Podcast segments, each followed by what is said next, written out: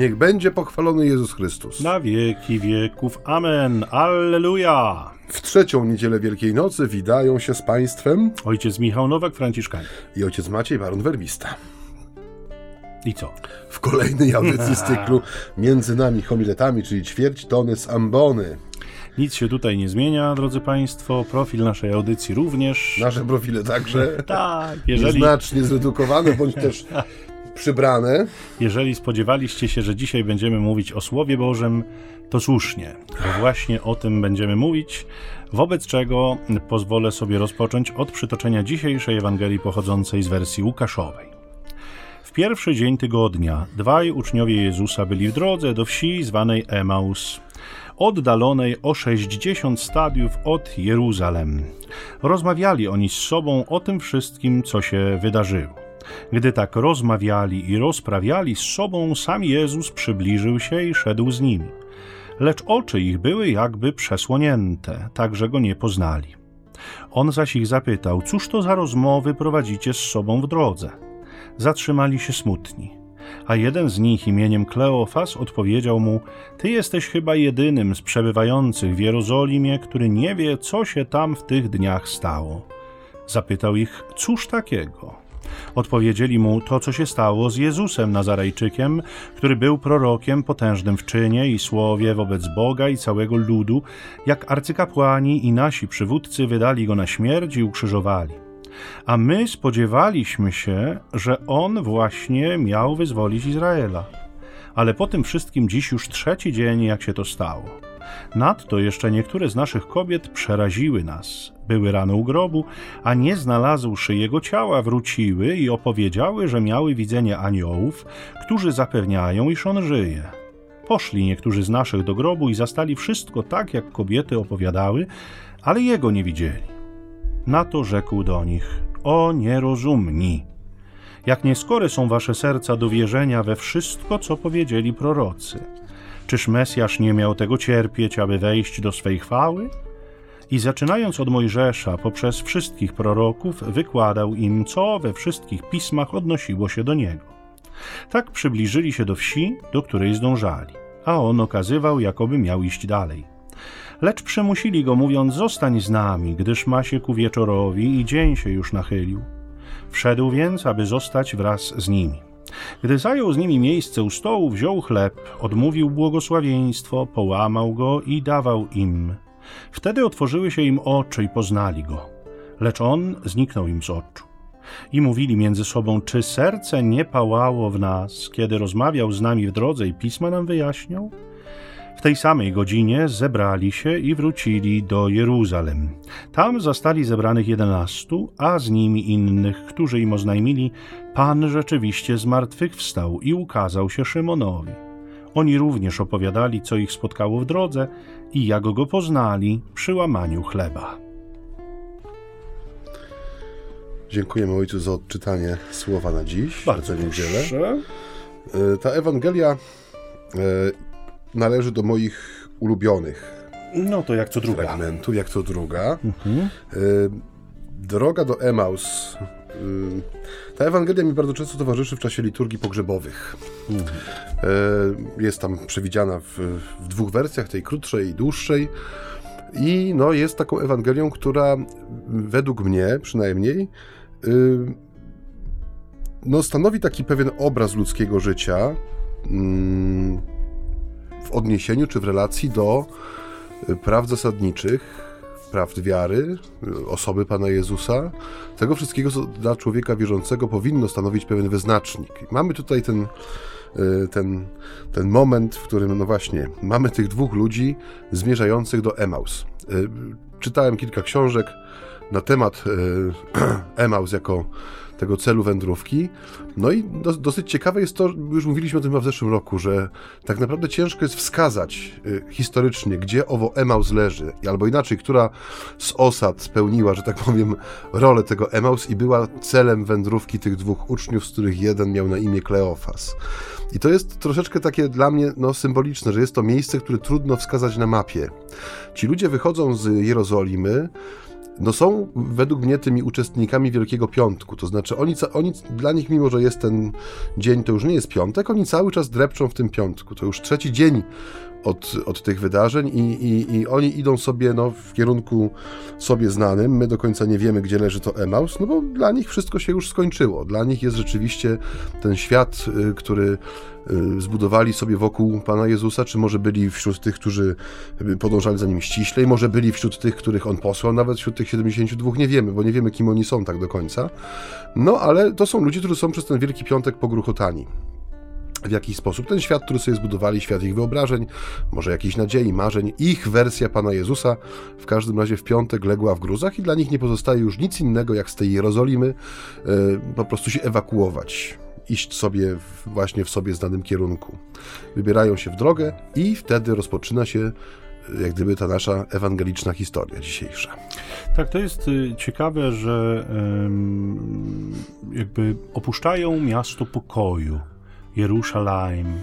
Miasto pokoju, miasto ucieczki, miasto, które dla Izraelitów było celem pielgrzymek. I kiedy szli z Jezusem, kiedy byli z Jezusem, to zbliżali się do miasta. Natomiast kiedy są bez Jezusa, no to właściwie zostawiają to miasto za swoimi plecami, to oddalają się od tego miasta. Nie wiemy tak naprawdę, e, czy Emaus miał być miejscem docelowym. Pewnie nie, pewnie było tylko przystankiem, żeby się przespać i następnego dnia iść dalej.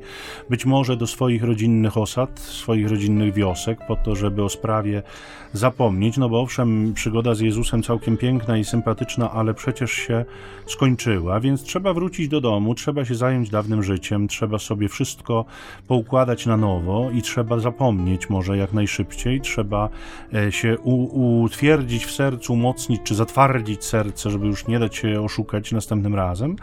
Mm, I rzeczywiście, tak jak Maciej powiedział, ten smutek e, sprawia, że ich oczy są nadal w śmierci. Nie? To są jedyne obrazki, które mają pod powiekami. Pewnie nie byli pod krzyżem, ale, ale być może byli w pobliżu, być może gdzieś z jakiejś odległości obserwowali, e, co się dzieje, więc to jest coś, co bardzo mocno wyryło im się w pamięci i mm, e, e, jakby rzeczywiście zahipnotyzowani smutkiem rozmawiają na ten temat, ale to jest takie przysłowiowe bicie piany. Z tych rozmów nic nie wynika. Prawdopodobnie są, są wręcz skłóceni, kłócą się o Jezusa. Nie? Tam to słowo, ja już chyba o nim mówiłem rok temu, antiballein, czyli to wymienianie się słowami, wy, wyrzucanie ku sobie słów, jak oszczepów, jak kamieni, e, sugeruje, że ta ich rozmowa była bardzo gwałtowna, że nie było między nimi zgody co do samego Jezusa. Tak bardzo e, to bicie piany, jeszcze raz użyję tego kolokwializmu, e, było ich udziałem, że no, nie zauważają najpierw, a potem no, nie rozpoznają tego wędrowcy, który no, w tym czasie drogi do nich po prostu dołącza. No, to jest też y, dla mnie też taki ten grecki wyraz, którego ojciec Michał użył, w sposób zapewne y, bardzo poprawny, bo ja z greki miałem tylko truje w seminarium, niestety. Ja już nie pamiętam, co miałem. Miałem trzy z plusem. Nie do końca, nie do końca to był mój konik. Mhm. Ale y, jak wiele naszych rozmów dzisiaj, mm, to są właśnie takie konkursy rzutu oszczepem. Nie wiem, czy Y, czy słuchacze się ze mną zgodzą, ale już to kiedyś poruszaliśmy, y, że rzadko dzieje się tak, żeby wiara, Ewangelia stawała się przedmiotem naszych rozmów, takich ożywionych.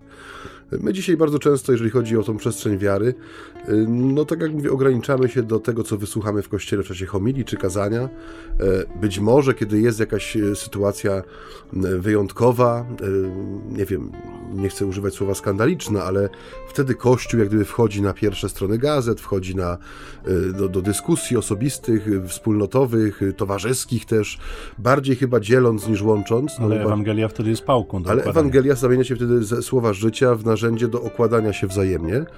I mm, no, to obrazuje właśnie, co się dzieje w momencie, w którym, tak jak to ojciec Michał pięknie zaznaczył, człowiek zamiast zmierzać z Jezusem do, Jerozoli, do Jerozolimy, przyjmuje ten kierunek odwrotny. Wybiera sobie jakiś emaus, do którego będzie chciał się udać. Czy to po bezpieczeństwo, czy po spokój sumienia, czy po chociażby oddalenie się od wydarzeń, które są może trudne do przyjęcia, czy bolesne dla uczestników.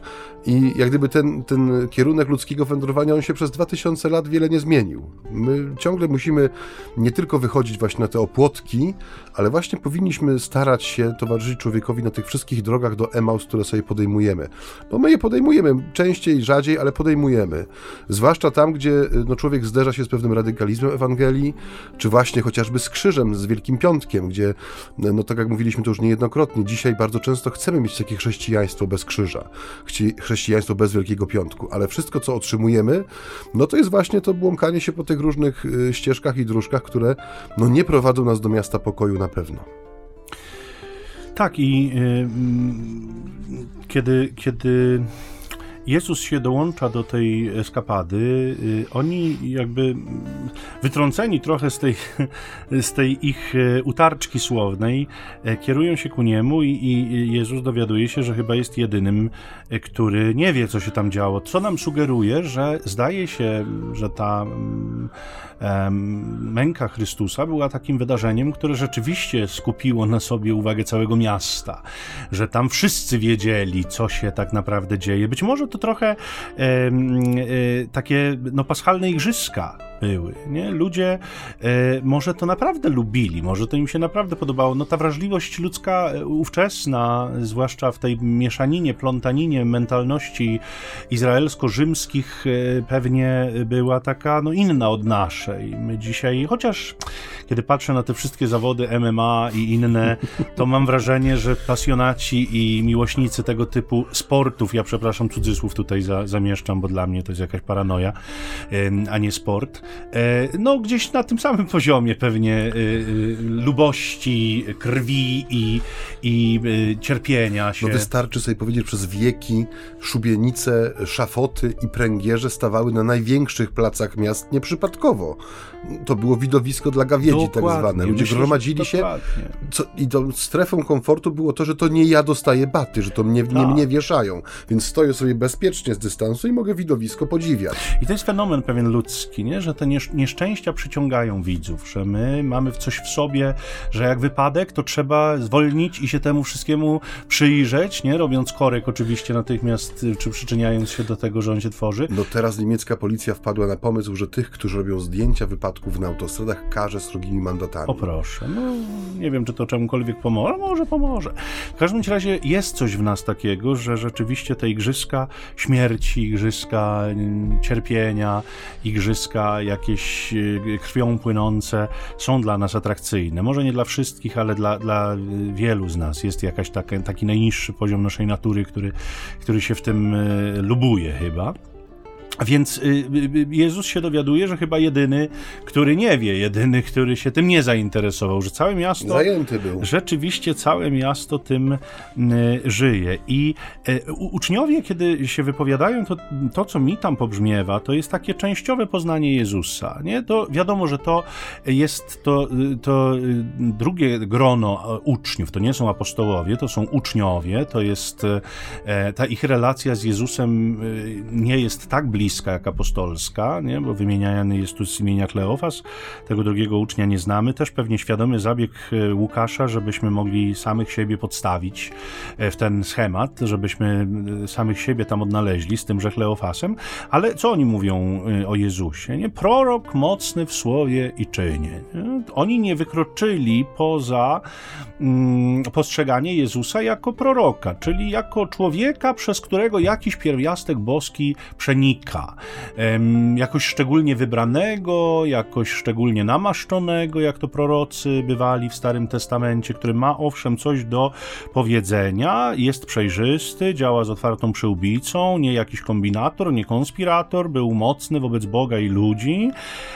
I chociaż y, nie znali jego planu, to jednak mieli takie przekonanie, że jakiś plan istnieje, nie? że on ma jakiś plan. Natomiast okazało się, że chyba nie no on zawiódł ich oczekiwania, nie? To wyzwolenie Izraela, to był ich plan, to było ich oczekiwanie. Tymczasem Jezus wskazywał na coś zupełnie innego i to znów mi się tu przypomina, już kilka audycji temu y, cytowałem to chińskie przysłowie pokaż głupcowi księżyc, a spojrzy na koniec twojego palca i powie, że nie ma żadnego księżyca i y, coś być może y, z tego śladowo w tychże uczniach było, że Jezus im wskazywał na takie rzeczy, na które oni nie spoglądali, tylko patrzyli na czubek jego palca i mówili, mmm, to palec jest, a nie tam jakieś inne, jakieś inne historie, więc y, jakby no te, te rzeczywistości im się zupełnie nie mogły poskładać. Nie? Jedyne co odczuwają to są znowu trudne uczucia,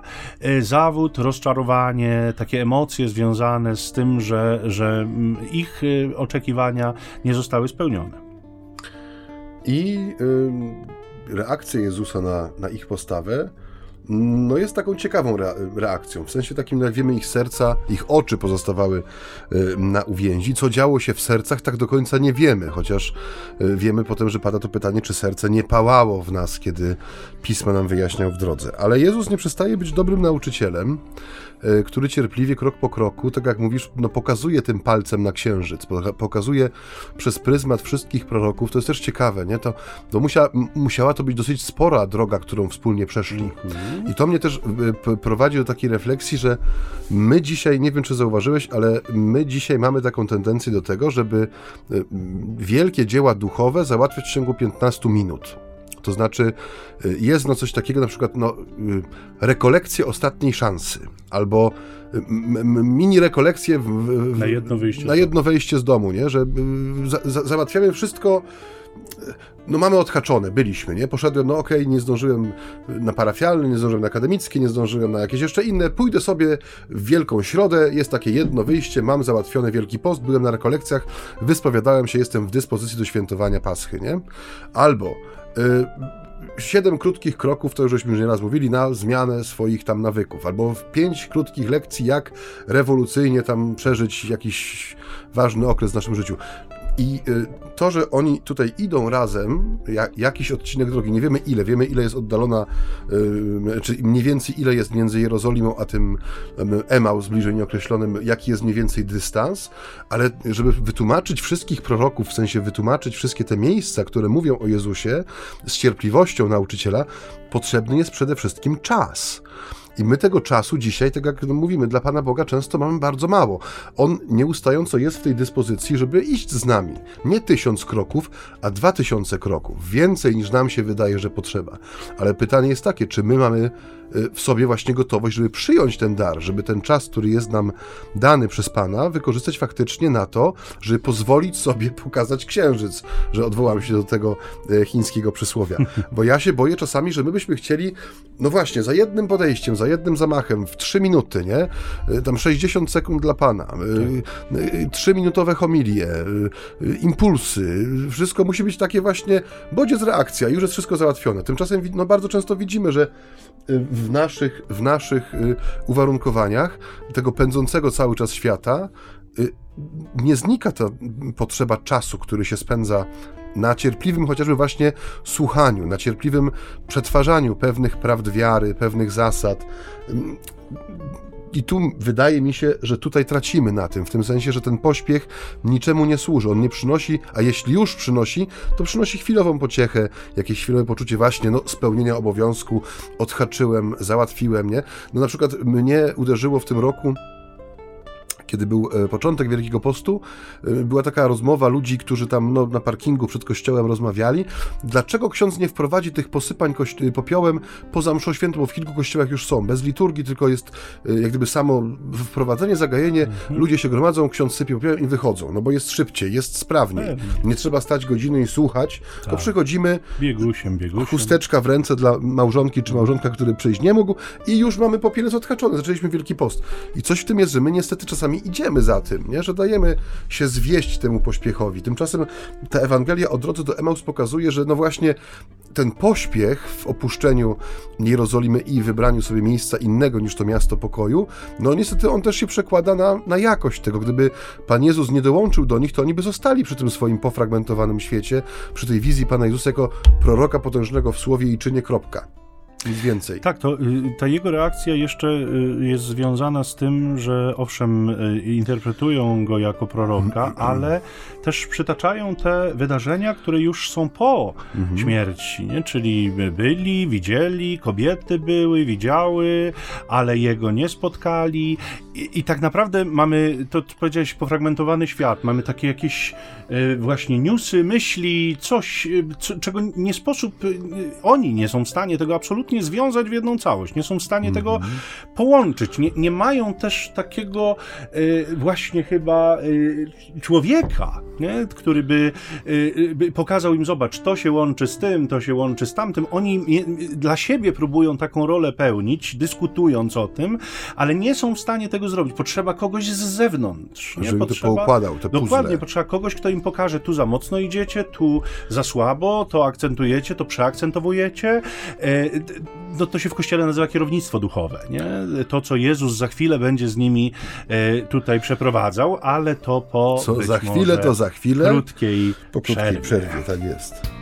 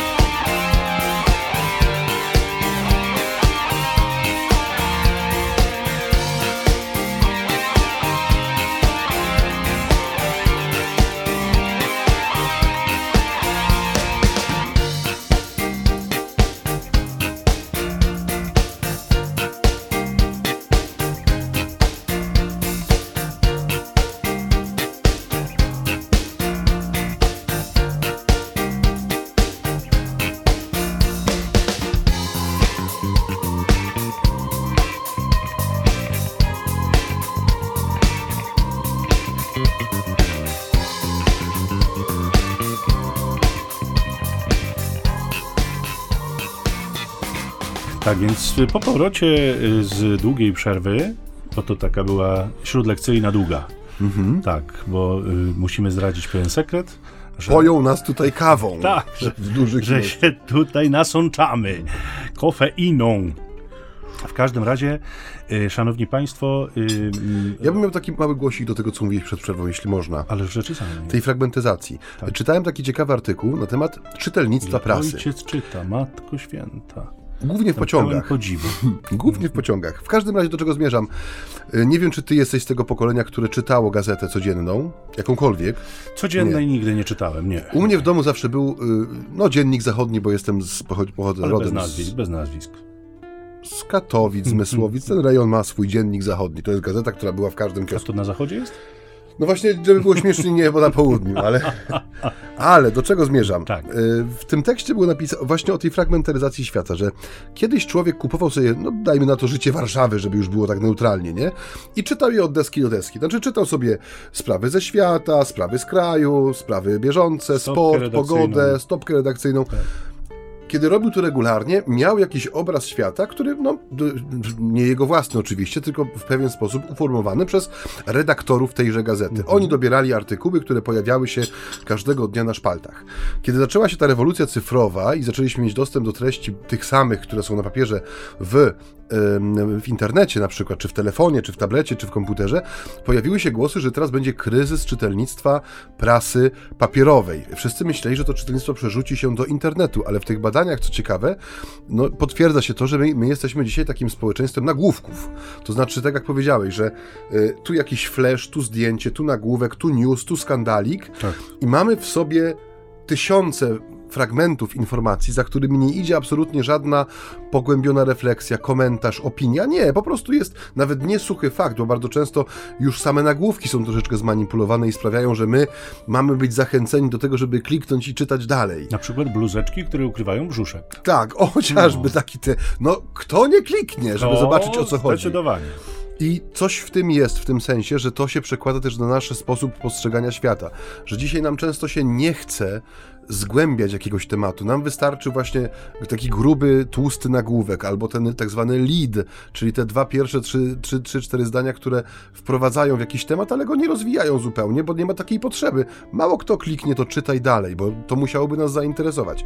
I w związku z tym powstaje całe pokolenia, żeby już wiedzieć, że, są, że, że to są dwa czy trzy pokolenia, ale może już dwa pokolenia takie są, że nam do szczęścia takiego informacyjnego, życiowego nie potrzeba już pogłębionej wiedzy, nie potrzeba studium, nie potrzeba przyglądnięcia się, a może z tej strony, a może z tej strony, może ci mają rację, może ten, y, ten y, autor czy ta wizja jest bliższa prawdy. Nie, mamy rzucony worek grochu i, i wybieramy te ziarenka, które nas tam przyciągną y, rozmiarem czy, czy swoim kolorem i to nam wystarcza.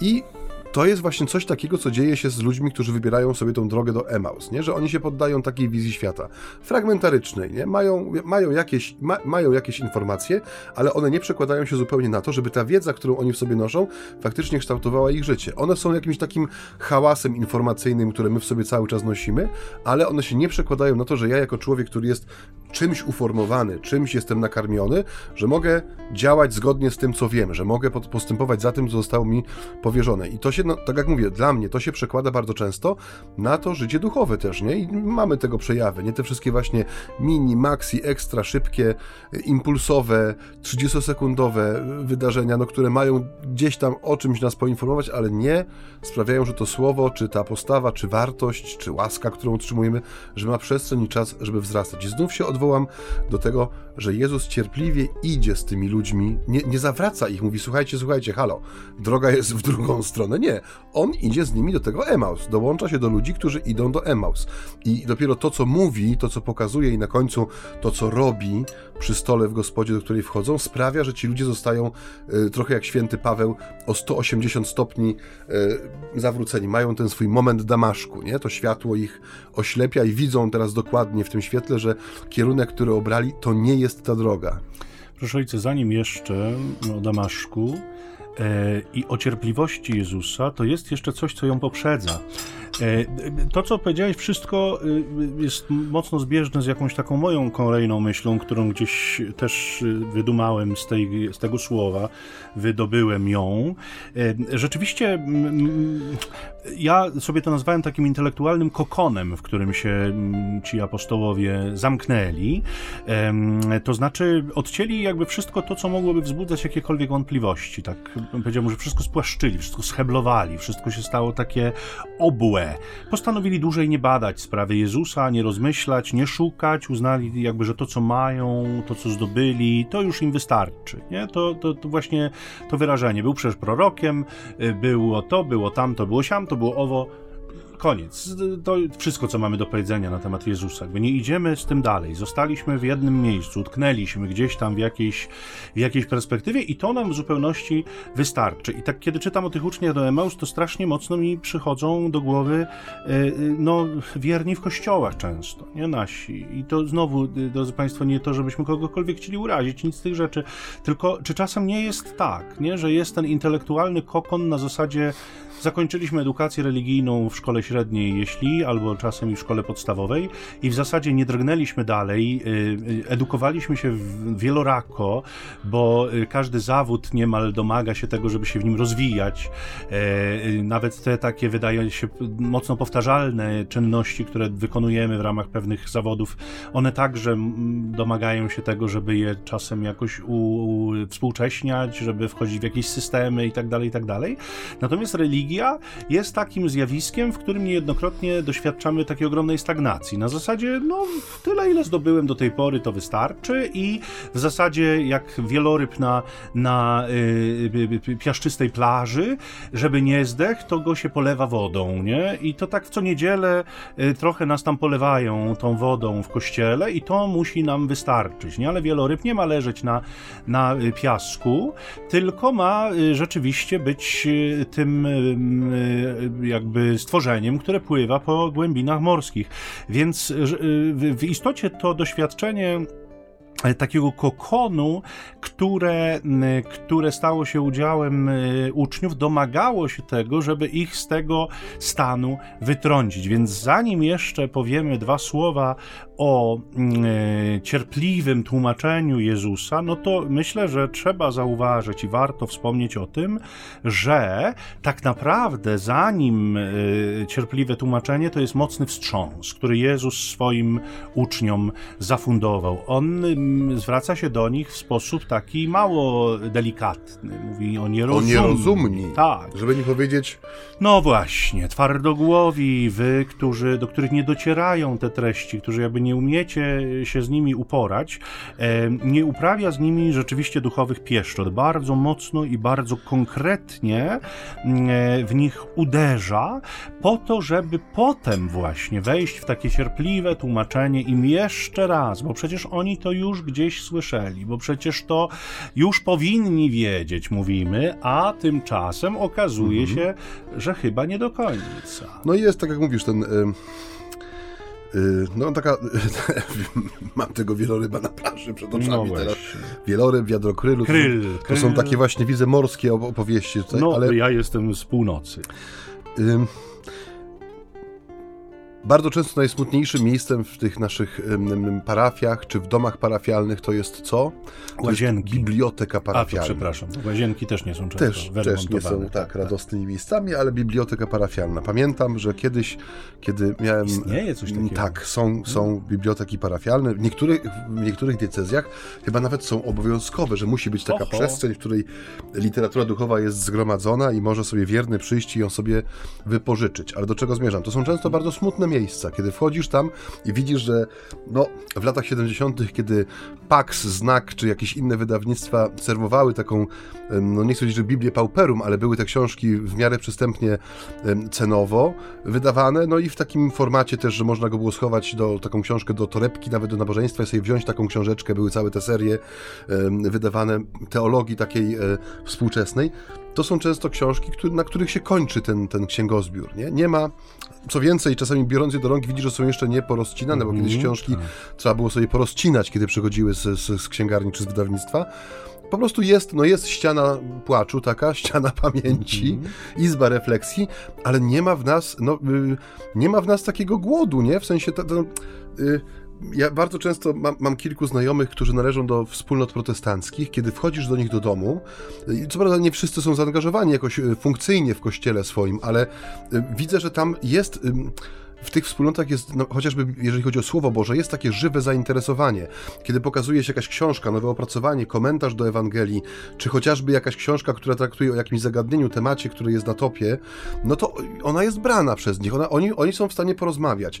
A kiedy no, wchodzisz niekiedy do, w przestrzeń naszych e, wspólnot, nawet takich, które wydają się w jakiś tam sposób rozwijające się, że się formują, no bardzo często owszem jest jakiś ojciec formator, który ma swoje kartki, skoroszyc, zeszyty, ludzie gromadzą się i słuchają, co jest zacne, ale nie ma tej odpowiedzi naturalnie, to ok, wysłuchałem pewnego impulsu, właśnie wysłuchałem jakiejś zachęty, no i teraz jak gdyby to moje, to, to, to Jezusowe weźmijcie Ducha Świętego, nie?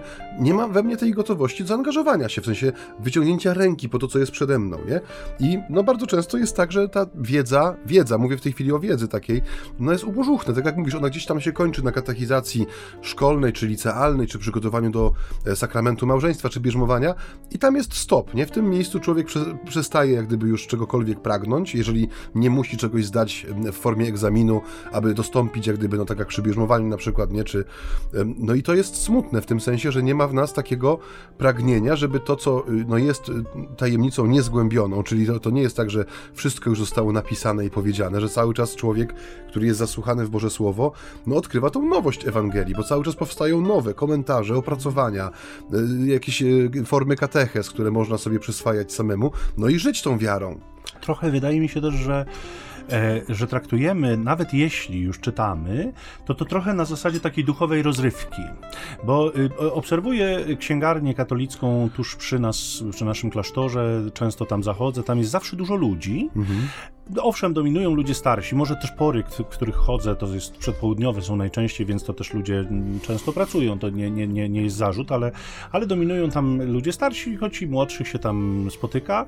Książek jest rzeczywiście mnóstwo, natomiast oczywiście jeśli chodzi o zakupy, to obserwuję, często są to albo gadżety, albo jakieś dewocjonalia, tudzież jakieś karteczki tam, albo są to pozycje pobożnościowe bardzo, nie? Takie, że takie czytadełko do poduszki. I w sumie to nie jest nic złego, ja nie, nie czynię z tego zarzutu, tylko, e, tylko to jest ta, ta perspektywa braku, o której mówimy, że takiej, e, e, takiego karmienia się ze zdrowej, jędrnej piersi teologii, jak to jeden z naszych profesorów w seminarium mówił, to znaczy ta nauka Boża, ona wykracza poza pa, pa, jakby tę paletę świętych, których mamy w kościele, choćby bardzo zacnych i mądrych, ale e, jednakowoż no nie w nich, czy w ich pobożnych nabożeństwach do nich, czy nowennach się e, to nasze nauczanie kościoła wyczerpuje, więc warto by było też sięgać po coś głębszego, co bardzo często wiąże się z takim zastrzeżeniem,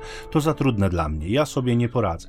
Więc może warto zapytać też w tej księgarni, a może wie pani, może jest coś takiego, nie? Taka teologia dla nieuczonych, taka teologia dla niestudentów, nie? Taka, którą można by jakoś e, strawnie, e, strawnie przełknąć, to znaczy nauczyć się czegoś dowiedzieć, a jednocześnie zrozumieć, przyjąć to, mieć taką świadomość, że, że jestem rzeczywiście karmiony, nie? I to, co mnie tak bardzo uderza też w tym kontakcie z Jezusem, tychże uczniów, to jest fakt, że on mówi do nich trudne słowo, rozpoczyna od trudnego słowa i pewnie tych trudnych słów też im nie szczędzi po drodze, bo, bo pokazuje im, jak wielkie jest ich niezrozumienie, a oni chcą nadal z nim być. Nie? I to jest, znowu odwołam się do tego naszego kaznodziejskiego świadka, e, to jest taka ogromna wskazówka dla nas, nie? że my nie możemy się bać e, mówić o trudnych rzeczach. Nie? My dzisiaj mamy to, już wielokrotnie też nazywaliśmy takie pluszowe chrześcijaństwo, gdzie kaznodzieje próbują nie dotknąć w żaden sposób swoich słuchaczy,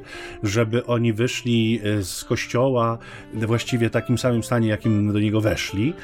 E, więc to wszystko takie jest gładkie i ja o tym kiedyś opowiadałem jako o doświadczeniu z zagranicy, tych krajów anglosaskich, gdzie tam ksiądz najpierw 15 minut dziękuję za to, że wierni w ogóle do przyszli, tego kościoła tak. przyszli, potem przez 15 minut im życzy dobrej niedzieli, dobrego tygodnia i właściwie to całe kazanie by się na tym opierało. E, oczywiście przejaskrawiam troszeczkę, ale, ale to w, ten, w tym duchu.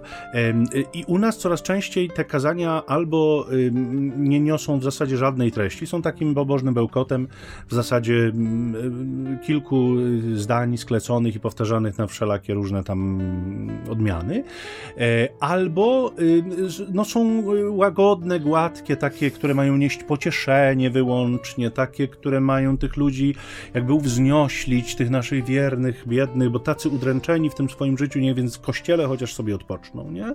Ale to nie jest nasz cel i nigdy nie był. I to też nigdy nie był cel Jezusa, żeby tylko i wyłącznie e, e, głaskać. Nie? To, to nie. To głaski są potrzebne na pewnych etapach życia, a na pewnych etapach życia są potrzebne wstrząsy. I dzisiaj obserwujemy jeden z takich etapów życia uczniów, w którym się trochę zachwiali, zagubili i tu był im potrzebny wstrząs i Jezus tego nie szczędził. Dlatego y, nie, nie, nie, nie możemy się bać mówić o trudnych rzeczach, dlatego że moc płynąca z tego trudnego słowa, ona nie płynie z nas, ona płynie z Jezusa, który się nie wahał swoim słuchaczom mówić rzeczy trudnych, nie? Dlatego, że to właśnie e, Jego słowo, Jego prawda ma moc wyzwalającą i dlatego trzeba ją głosić w całości. Mhm. To jest taki w odpowiedzi, co powiedziałeś, na to, co powiedziałeś, jeżeli chodzi o no niestety o, często o jakość też tego, co jest mówione, a jak mówiliśmy też wiara rodzi się ze słuchania i ważna jest nie tylko forma, ale także treść tego, co jest przekazywane z ambon i co trafia do ucha i serca słuchacza. Na szczęście, mówię, widzę takie promyczki nadziei, można powiedzieć. No, tak jak mówię, już niejednokrotnie mówiłem, jestem dosyć świeżym proboszczem, ja lubię przygotować sobie e, niedzielną homilię wcześniej. Lubię sobie, przynajmniej taką miałem, taki miałem zwyczaj, kiedy jeszcze byłem wcześniej w Lublinie, czy jeszcze wcześniej w Pieniężnie no na naszej tak, parafii. był uczony miałem e, czas na to, żeby sobie w poniedziałek czy wtorek już rozpocząć przygotowanie e, tej niedzielnej homilii. Niestety widzę, że ilość, że tak powiem, tej papierologii, która nas czasami zalewa, zwłaszcza na początku, końcu roku, ale też takie codzienne funkcjonowanie bardzo często, kiedy no, y, no proboszcz jest takim człowiekiem, czy ksiądz w ogóle jest wciąż takim człowiekiem w naszym kościele, nie?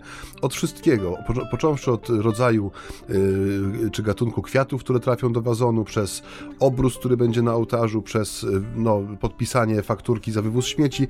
Bardzo często jest tak, że spotkałem kilku takich młodych księży, których to boli, w tym sensie boli, że widzą sami, że no, nie spłacają tego długu względem słuchaczy, bo to jest taki pięk, to jest piękny ten obraz, nie, że my jesteśmy dłużnikami tych ludzi jako e, głosiciele i powinniśmy ten dług w ratach każdej niedzieli e, spłacać w sposób taki bardzo no, wysokojakościowy, bym powiedział. A bardzo często jest tak, no niestety, co widzę po tej popularności tych serwisów, które są, gdzie proponuje się te gotowe teksty, w które można bądź to wydrukować, bądź sobie pobrać i tam uzupełnić o, o jakieś aktualne dane, żeby też nie było, że to jest w ciągu pięciu lat ciągle to samo, ale że one są popularne, czyli jednak ludzie po to sięgają, księża po to sięgają, bo bardzo często mam takie, znaczy bardzo często, w kilku przypadkach mam, mam takie głosy, że młodych zwłaszcza duszpasterzy to boli, w tym sensie, że chcieliby mieć tego czasu tyle, żeby móc dobrze przygotować szczególnie tą niedzielną homilię, już nie mówię o takim codziennym słowie, które może rzeczywiście mniej wymaga tego przygotowania, ale ta niedzielna homilia powinna być takim ukoronowaniem twojego tygodnia,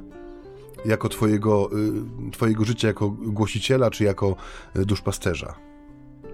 No ale to y, muszę przyznać, że jestem pełen podziwu, bo ja y, tak za y, często, nie wiem czy w ogóle kiedykolwiek spotkałem e, młodego kaznodzieję, który by miał takie pragnienia, o których ojciec dzisiaj opowiada, hmm. żeby mieć więcej czasu. A Musi ojciec przyjeżdżać częściej na, na Śląsk. Wygląda, na to wygląda. Natomiast y, powiedzmy sobie szczerze, że to, o czym przed chwilą powiedziałeś, te, to decydowanie, y, to obciążenie decydowaniem o rodzaju kwiatków i obrusie, który będzie leżał na ołtarzu, bardzo często jest spowodowane y, wyłącznie pragnieniem samego księdza. No I, tak, i on, że sam jest za to odpowiedzialny odpowiedzialny, jest temu winien, powiedzielibyśmy, więc y, tak bardzo się nad tym znowu nie rozczulam. Ja też się nie rozczulam. Dobrze, idźmy, idźmy dalej, bo jeszcze... Y, Lądujmy powoli. Powoli lądujemy, ale no, zakończenie jest y, tej naszej historii... No tak, dość... Tak, żebyśmy nie zostali na tej drodze do Emaus. tak, ono jest dość wstrząsające, bo tak jak powiedziałem, uczniowie mimo tych trudnych nauk, które Jezus im głosi i mimo trudnych słów, od których je rozpoczyna, oni chcą z Nim być, zatrzymują Go, go, obdarzają go przywilejem gościa. Nie? On rzeczywiście błogosławi, podaje im posiłek, oni go w czasie tego posiłku rozpoznają. I to, to serce w nich pała, nie? Oni mówią, czyż serce nie pałało w nas, kiedy y, wyjaśniał nam pisma. I zobaczcie, drodzy Państwo, że my tutaj w tej drodze do Emaus mamy taki bardzo czytelny obraz Eucharystii. Nie? Już pomijając to, co, co tam się dzieje przy stole, no to najpierw mamy liturgię słowa, która nas do tego stołu podprowadza. Jezus, który wyjaśnia po drodze pisma. I dlatego, kiedy uczniowie mówią, że serce zapałało w nas, kiedy do nas mówił, dlatego musimy tę liturgię słowa docenić. Dlatego my nie możemy jej skracać. Ja czasem się się pytam na rekolekcjach kapłańskich, dlaczego okradamy ludzi ze Słowa Bożego. W sytuacjach na przykład, kiedy w niedzielę na mszy dla dzieci często decydujemy, że będzie jedno czytanie tylko. Nie? To jest okradanie ludzi ze Słowa Bożego. No i często te argumenty, które padają przy tym, nie? Dlaczego się skraca, czy właśnie Tak. usuwa wręcz jedno czytanie, nie? Że to, y, no, od takie, jak to mówią kolokwialnie, od czapy argumenty, bo będzie Dokładnie. krócej, będzie szybciej, albo to skomplikowane słownictwa, bo to Oczywiście. święty Paweł, długie zdania Oczywiście, i tak dalej, nie rozumie i tak. E, Mamy też oczywiście czytania dłuższe, krótsze, możemy je wybierać czasem i też tendencja jest raczej do tego, żeby wybierać krótsze niż Żeby się nie spocić ojcze przy tym no czytaniu. też właśnie, żeby gardła nie nadwyrężyć. No nie można tak, nie? To, to liturgia słowa ma swoje ogromne A potem się znaczenie. dziwimy, że zbieramy cośmy posiali. No otóż to, otóż to. A jak się skąpo sieje, to się i skąpo zbiera. Bardzo to- I tym optymistycznym akcentem Bardzo to prawdziwe. No, tak czy owak, y, serca pałają w nich, kiedy y, pisma im wyjaśnia, rozpoznają go przy e, stole, przy tym łamaniu chleba i to słowo Jezusa, to co im wyjaśnił, to co im włożył w serce, to co im połączył, połącz punkty, a powstanie ci obrazek, daje im siłę do tego, żeby wstać i w tej samej godzinie wrócić do Jerozolimy. Nie? I zobaczcie, że tutaj już sobie żadna psychologia nie radzi, nie? bo y, to, tu, to jest powrót na pewną śmierć. Nie? Przed chwilą jeszcze przeżywali lęk o swoje życie, a teraz przeżywają radość, która im pokazuje, że nie ma życia poza Jezusem, że tak naprawdę jedyny sens ich życia to jest On, który nie zawiódł, który żyje, który zmartwychwstał, który, y, że tak powiem, objawia im się, który przychodzi do nich i to sprawia, że rzeczywiście em, idą z powrotem i tam świadczą, opowiadają o tym, co się mm, e, stało, co ich spotkało przy łamaniu chleba. To ich życie w tym momencie nabiera zupełnie nowego sensu, zabiera, nabiera zupełnie nowego blasku. No i co ciekawe, zauważ, że ta droga do Emaus staje się drogą do Jerozolimy. Jezus nie przestawia człowieka na jakiś inny tor. To samo mieliśmy z Pawłem, nie? I jego doświadczeniem y, y, pod Damaszkiem, że to jest zwrot o 180 stopni, ale ta droga, którą oni szli, że tak powiem, karmieni swoim rozczarowaniem, może swoim lękiem, staje się drogą ich radości. Oni wracają tą samą drogą do miasta, z którego jeszcze chwilę wcześniej chcieli uciekać. I to jest ciekawe, nie? Dla nas, że my często szukając dróg odnowy, czy jakiegoś takiego odświeżenia siebie, szukamy właśnie, którędy by tutaj, co by zmienić, nie? Szukamy jakiejś nowej Obejścia, ścieżki, tak. obejścia, o, obwodnicy jakiejś, która poprowadzi nas szybciej. Tymczasem. Ewangelia ta dzisiejsza pokazuje nam, że jeżeli dokonuje się jakaś przemiana, ona dokonuje się na twojej drodze, na tej drodze, którą żeś przyszedł do miejsca, w którym jesteś, nie? Że nie ma sensu szukać teraz y, czegoś lepszego, szybszego, bardziej ubitego, czy z szerszym poboczem. Nie, droga, którą tu przyszedłeś i przyszłaś, to jest droga, na której ty masz... Przyszedłeś. Przyszedłeś? Przyszedłaś. A, przyszedłaś, przepraszam. to jest droga, na której ma się dokonać twoje no, nawracanie się. To jest droga na... na... tak Właśnie taki sens jest nawrócenia się. Mogę się nawrócić tylko na drogę, na której jestem, nie? Tak.